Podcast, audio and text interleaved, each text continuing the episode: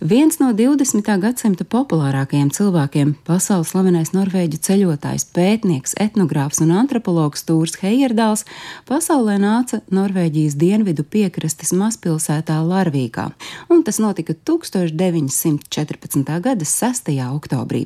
Un pasaulē viņš nāca gana pārtikušā ģimenē, kur gan vecāku savstarpējās attiecības bija tik sliktas, ka itin drīz pēc zērna piedzimšanas vecāki izšķīrās. Tūrs palika ar mammu, kura strādāja antropoloģijas muzejā, un tas arī ir bijis viens no iemesliem, kāpēc zēns bērnībā pasaku vietā lasīs grāmatas par antropoloģiju. Un tā jau agrā bērnībā Heierdāls iepazina Darvina evolūcijas teoriju. Pasaules okeānu apceļotājs izrādās bērnībā ļoti, ļoti baidījies no ūdens. Iemesls viņš peldoties divkārt gandrīz noslīcis.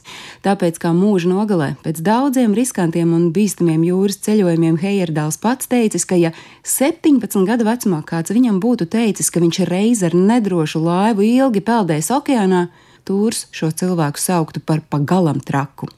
Tūrs bailes no ūdens palaida vaļā gluži nejauši. Viņam bija 22 gadi, kad viņš iekrita upē, un nekas cits neatlika kā izķeproties. Viņš izpeldēja.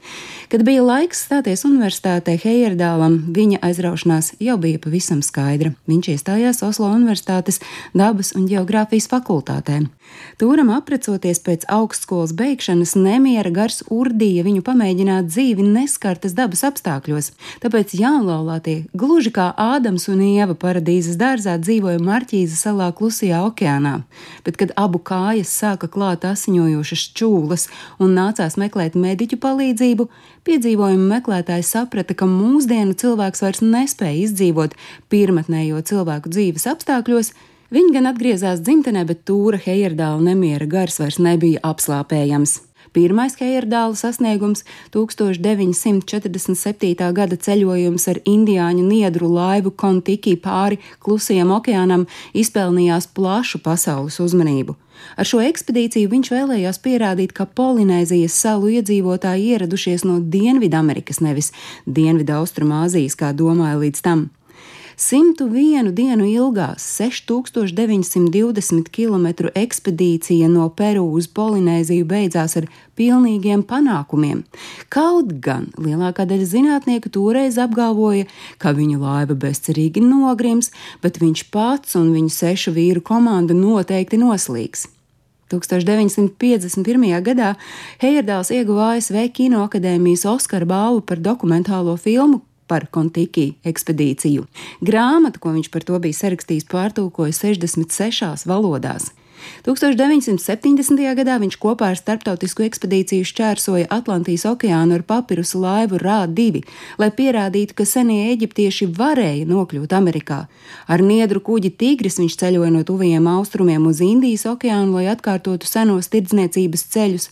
Viņš veicis vēl virkni dažādu citu ceļojumu visās pasaules malās un savas teorijas viņš bieži pamatoja ar novērojumiem. Piemēram, par acteku Meksikā un eģiptiešu celto piramīdu līdzīgumu, vai arī par klusā okeāna suņu un saldo kartupeļu apbrīnojumu līdzību ar suņiem un kartupeļiem Dienvidamerikā.